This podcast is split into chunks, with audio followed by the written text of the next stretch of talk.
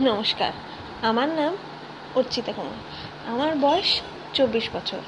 আজকে আমি আপনাদের যে কবিতাটা আবৃত্তি করে শোনাতে চলেছি, সেটি হলো জয় গোস্বামীর প্রাক্ত তাহলে এবার শুরু করি।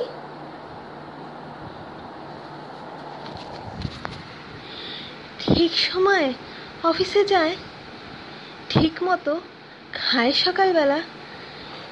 টিফিন বাক্স সঙ্গে নেয় কি, না ক্যান্টিনেই টিফিন করে? জামা কাপড় কে কেচে দেয়? যা করে কি আগের মতো? দুগ্গার মা কটায় আসে?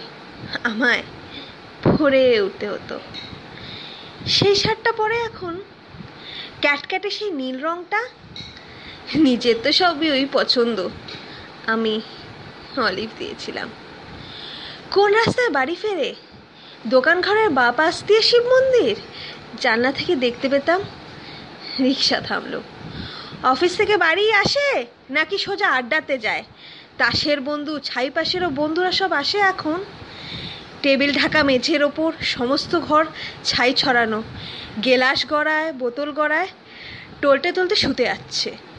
কিন্তু বোতল ভেঙে আবার পায়ে ঢুকলে রক্তারক্তি। তখন তো আর হুঁশ থাকে না। রাত বিরাতে কে আর দেখবে? কেন? ওই যে সেই মেয়েটা যার সঙ্গে ঘুরতো তখন? কোন মেয়েটা?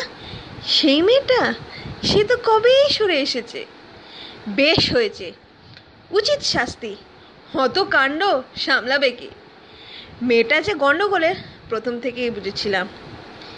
কে তাহলে সঙ্গে আছে? দাদা বৌদি? মা ভাই বোন? তিন কুলোতে কেউই ছিল না। একেবারে একলা এখন। কে তাহলে ভাত পেরে দেয়? কে ডেকে দেয়, সকাল সকাল।